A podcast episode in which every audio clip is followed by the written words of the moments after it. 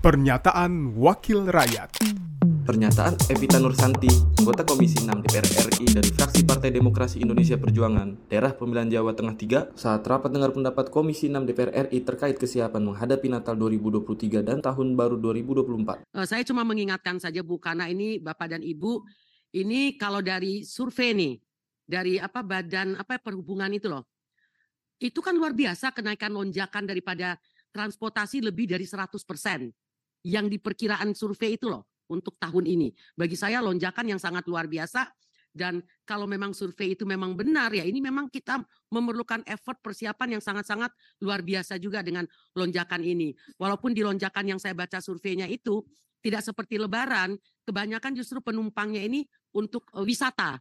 Kalau lebaran itu kan pulang kampung. eh.